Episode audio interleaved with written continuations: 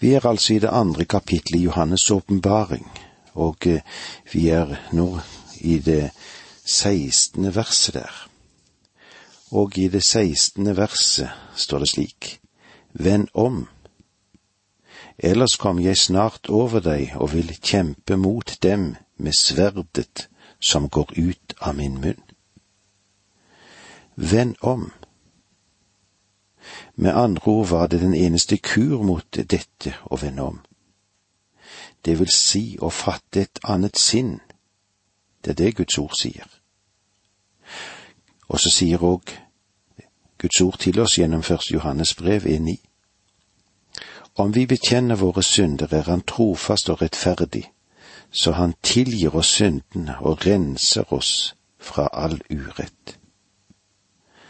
Om de ikke ville vende om, så sa Herren at han ville stride mot dem med sverdet som går ut av hans munn. Og sverdet, det er Guds ord. Hvilken feil vi gjør om vi tror at menigheten har mandat til å bestemme hva som er rett og hva som er galt. Den sanne menighet utgjøres av troende i Jesus Kristus, og de utgjør det Skriften kaller Kristi legeme. De skal være lys i verden. Og om vi skal være lys i en mørk verden, da må vi omhyggelig passe på at vi gjør oss til ett med Jesus Kristus, og ikke erkjenner i første rekke Kirken, men Guds ord som vår autoritet. Vend om, ellers kommer jeg snart over deg og vil kjempe mot dem med sverdet som går ut av min munn. Han roper altså, vend om. Ellers vil jeg komme over deg og kjempe mot dem med sverdet som går ut av min munn. Her er det ikke altså omvendelse som er det grunnleggende mening han taler om, som om det var frafall og åndelig død. Men her er det omvendelse fra den slappe og ukristelige toleranse som ikke vil ta opp kampen mot vranglæren. Og det er det Herren hater. Herren hater dette. Hvis ikke vi blir omvendt på dette punktet, truer Herren med at han vil komme snart over forsamlingen eller menigheten og stri mot vranglærerne med sverdet i sin munn, eller med munnets sverd. Dette er et varsel om at han, om han må komme slik, også vil la forstanderen og menigheten merke sin tukt. På en særlig måte vil det nok gå ut over vranglærerne. Mot dem vil han stri med det sverdet som går ut av hans munn, ordets tveeggede sverd, slik som vi òg ser det i det tolvte verset i dette kapittelet, i kapittel to. Dette sier han som har det skarpe tveeggede sverd. Dette sier han som holder de sju stjerner i sin høyre hånd, han som går omkring blant de sju lysestakene. Ellers kommer jeg snart over deg og vil kjempe mot dem med sverdet som går ut av min munn. Det er det Herren sier til oss. I vers 17 leser vi slik. Den som har ører, hør hva Ånden sier til menighetene.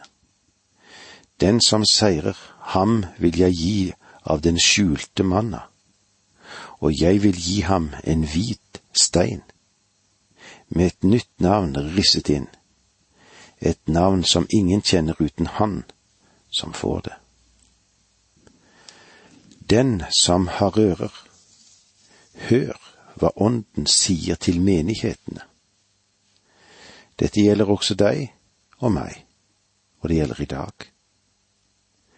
Den som seirer er en definisjon av en sunn og sann kristen. Vi overvinner, vi seirer med lammets blod.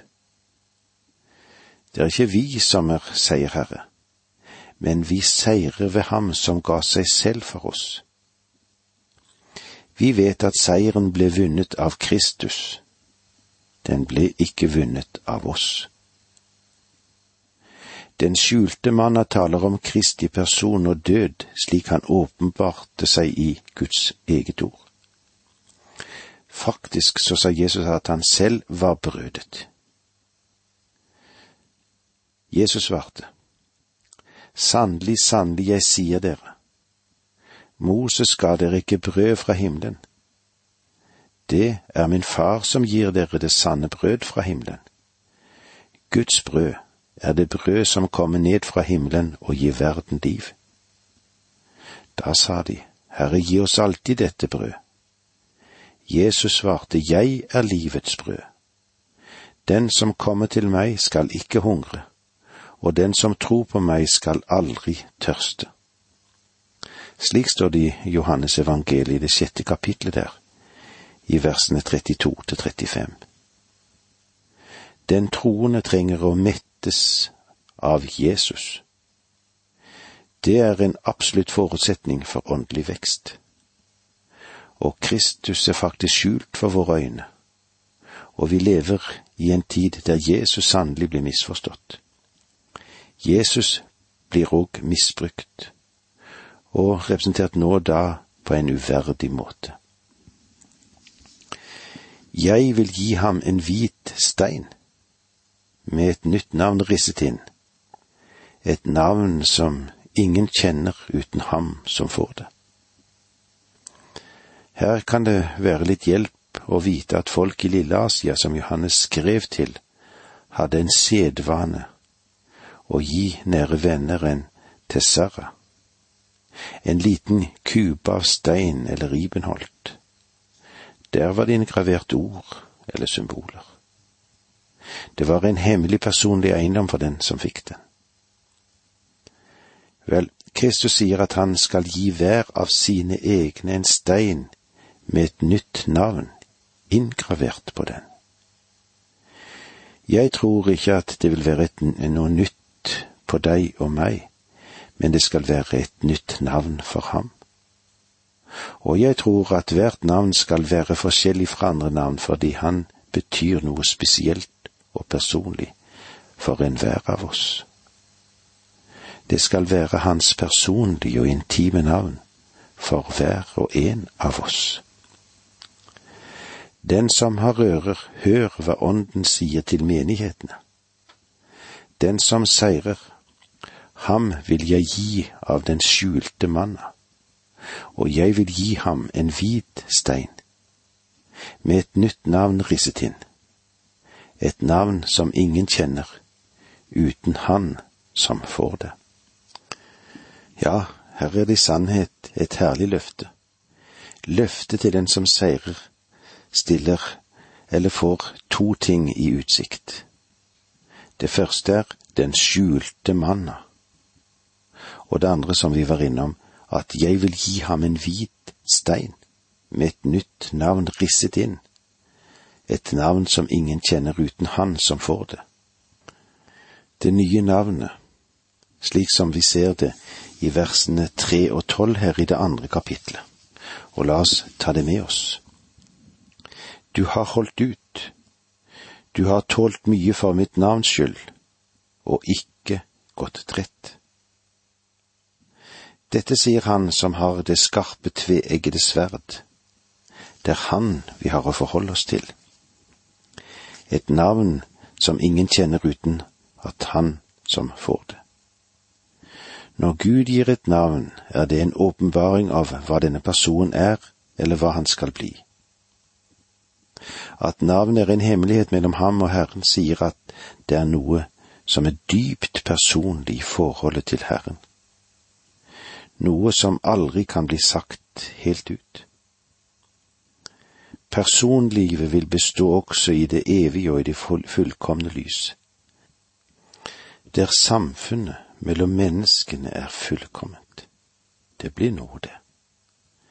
Saligheten skal oppleves felles, men hver enkelt opplever den på sin personlige måte. Tenk når vi når frem og får oppleve navnet vårt er risset inn. Ja, det var så langt vi kom i dag. Takk for nå, må Gud være med deg. Dette undervisningsprogrammet består av to deler. Åge Nevland fortsetter nå med andre del av dagens undervisning. Vi er i Johannes' åpenbaring. Vi er i det andre kapitlet der. Og vi har stoppet opp for de menighetene som vi får lov til å se innom. Efesos, Smyrna, Pergamon, og nå går vi altså inn til Tyatira. Kristi brev til menigheten i Tyatira. Menigheten i Tyatira den er representert for den romanske perioden som fører oss inn i epoken fra omkring år 590 til omkring år 1517. Selv om det var en hel del lyspunkter og mange edle strømninger, er det vel ikke for meget å kalle dette for en mørk periode. Når du forlater Pergamon, begir du deg inn over i landet. Tyatira og resten av de syv menighetene, de ligger inne i landet. Tyatira lå i et svært vakkert område. Omgivelsene, de var vakre, de.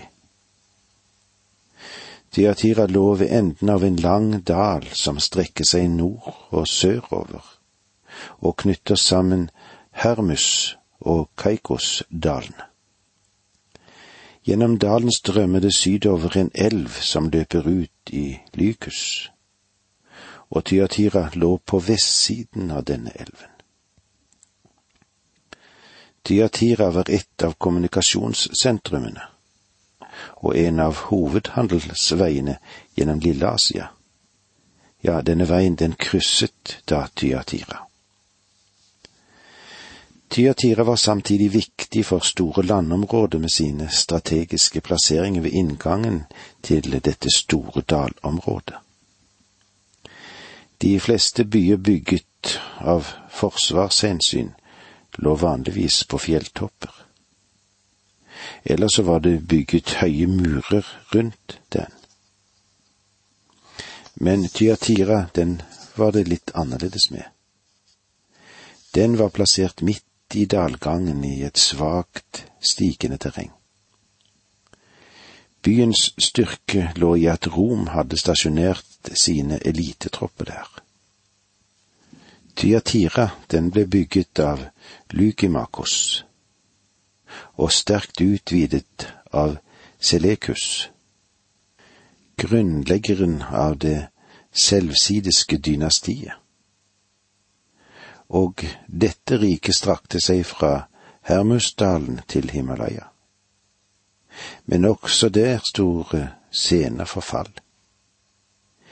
Ingen by i dette området ble så fullstendig ødelagt og gjenoppbygget som denne byen.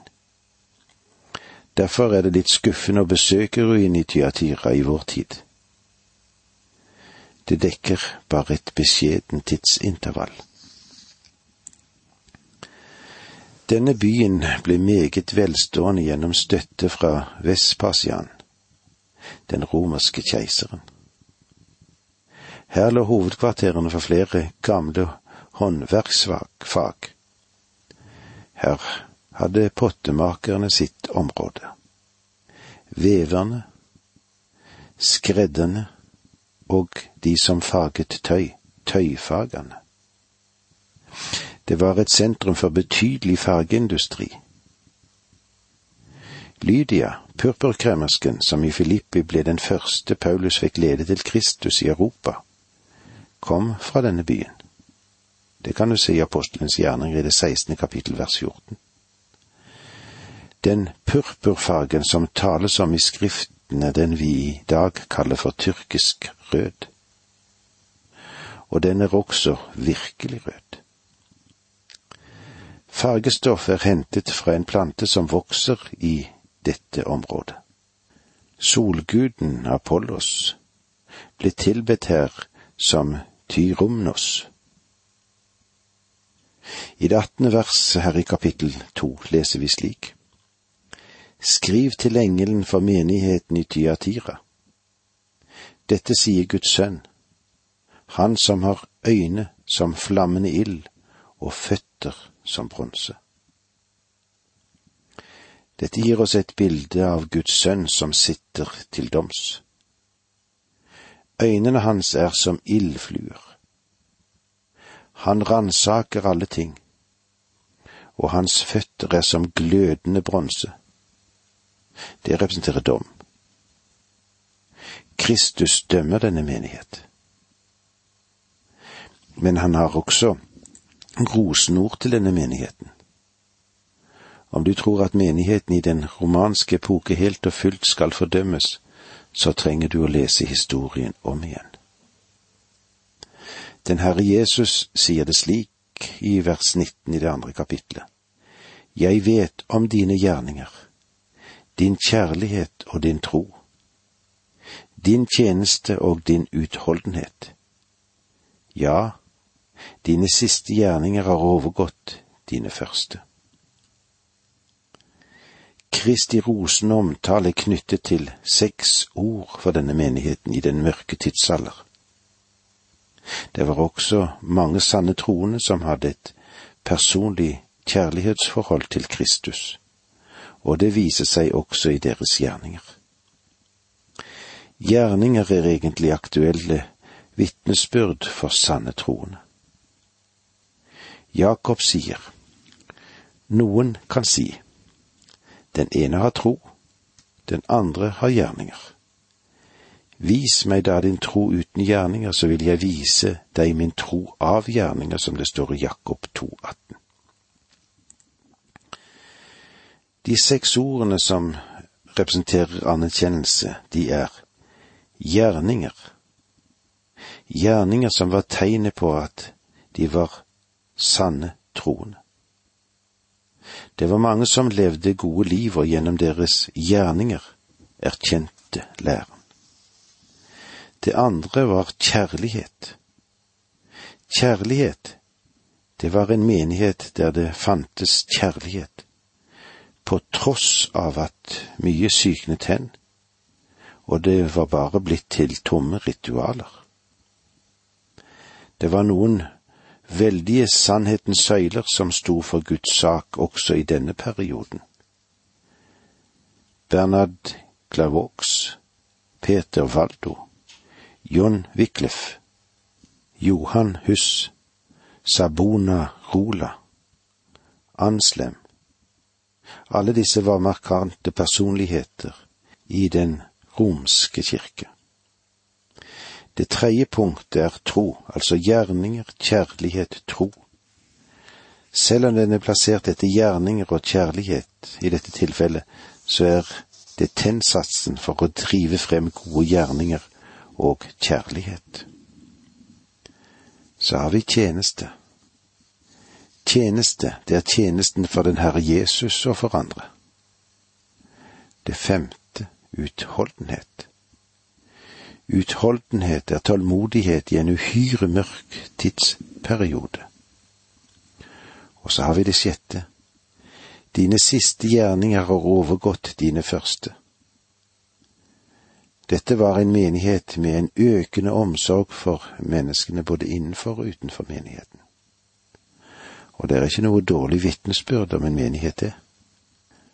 Alle disse seks gode egenskaper fødes frem i den troende ved Den hellige ånd. Altså gjerninger, kjærlighet, tro, tjeneste, utholdenhet. Dine siste gjerninger har overgått dine første. Men det er en skremmende anklage mot denne menigheten, og vi leser i vers 20. Men jeg har dette imot deg, at du har latt kvinnen Jesabel holde på, hun som kaller seg profet, men som med sin lære lokker mine tjenere til å drive hor og spise avguds offer. Jesabel hadde brakt hedendommen inn i Nordriket Israel, og det virker tenkelig at det var den lokale menighet i Tyratira fantes det en kvinne som hadde et renommé som lærer og profetinne som var et sidestykke til Jesabel, Akabs make. og angår den historiske perioden i den mørke tidsalder som menigheten i Tyatira representerte, ble hedensk praksis og avgudsdyrkelse blandet inn med kristne gjerninger og tilbedelse. Pavismen, det vil si pavemakten, ble løftet ut av sin religiøse sfære og fikk en veldig politisk makt under Gregor den første, i år 590, og senere gjennom Gregor den syvende, bedre kjent som Hildebrandt, i årene 1073 til 1085. Kirkelære og kirkelige ordninger erstattet den personlige tro på Jesus Kristus. Tilbedelsen av Maria barn og messen ble gjort til den vesentlige del av kirkens tjeneste. Skjærsilden ble en positiv doktrine, og messe ble holdt for de døde. Mange merkeverdige dokumenter kom i sirkulasjon for å gi makt og herrevelde til paven. Jeg er kanskje noe dristig når jeg sier at Jesabel drepte Nabot og forfulgte Guds profeter. Og slik fungerte også inkvisasjonen i det romerske kirke i denne epoken. Ordet som er oversatt med lokke i dette verset, betyr et fundamentalt avvik fra sannheten. Jesabel står i skarp kontrast til Lydia, som kom fra Tyatira. Isabel er bare en forløper som den falne kirke, noe som vi kommer til å se når vi kommer inn i kapittel 17. Men det var så langt vi kom i dag. Takk for nå må Gud være med deg.